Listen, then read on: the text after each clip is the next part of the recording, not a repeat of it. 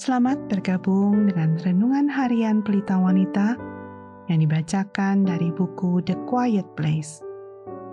Pembacaan Alkitab hari ini diambil dari Wahyu 2 ayat 8 sampai 11.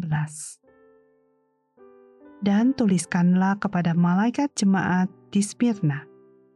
Inilah firman dari yang awal dan yang akhir, yang telah mati dan hidup kembali Aku tahu kesusahanmu dan kemiskinanmu, namun engkau kaya dan fitnah mereka yang menyebut dirinya orang Yahudi.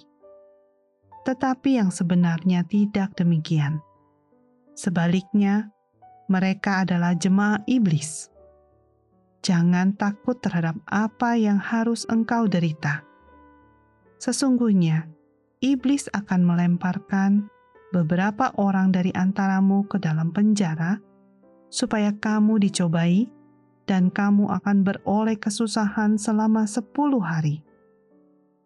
Hendaklah engkau setia sampai mati, dan aku akan mengaruniakan kepadamu mahkota kehidupan.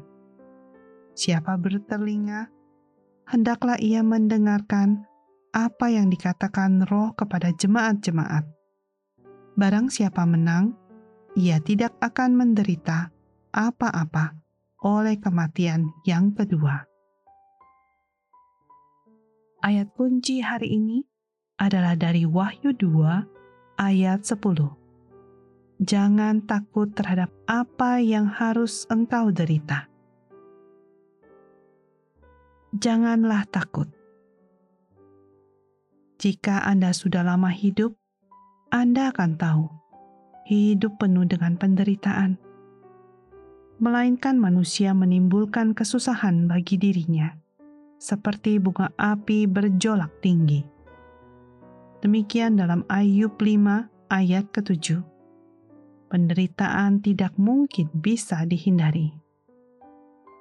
Tetapi janganlah Anda melewati nasihat Kristus kepada jemaat abad pertama di Smyrna sebuah kelompok yang menghasilkan martir-martir yang terkenal seperti Polikarpus yang dibakar hidup-hidup karena kesetiaannya kepada Kristus. Perkataan Kristus meyakini mereka yang dipanggil untuk memberikan nyawanya untuk iman mereka dalam zaman apa pun. Tetapi perkataan Kristus juga berguna bagi kita ketika menghadapi kekalahan yang menyakitkan, tantangan yang menimbulkan kegelisahan, dan ancaman yang meresahkan terhadap norma dan pilihan hidup kita. Jangan takut, kata Yesus, terhadap apa yang harus engkau derita. Hati kita sangat rentan kepada perasaan takut. Kita takut akan apa yang tidak kita ketahui kita juga takut akan apa yang kita ketahui. Kita takut akan apa yang sedang terjadi, apa yang mungkin terjadi, dan banyak hal yang mungkin tidak akan pernah terjadi. Kata takut di dalam ayat ini diambil dari kata fobia yang mempunyai makna asli untuk melarikan diri adanya atau kemungkinan akan adanya masalah membuat kita ingin berlari dan bersembunyi. Akan tetapi, sebagai pengikut Kristus, kita tidak perlu hidup terus melarikan diri. Tetapi jika kita takut akan Allah dengan tepat, kita tidak perlu takut akan ancaman-ancaman dari manusia, jurang penderitaan, atau bayangan kematian ke mana pun kita pergi, apa pun yang kita lakukan, Allah ada bersama dengan kita. Ia tahu kesusahanmu.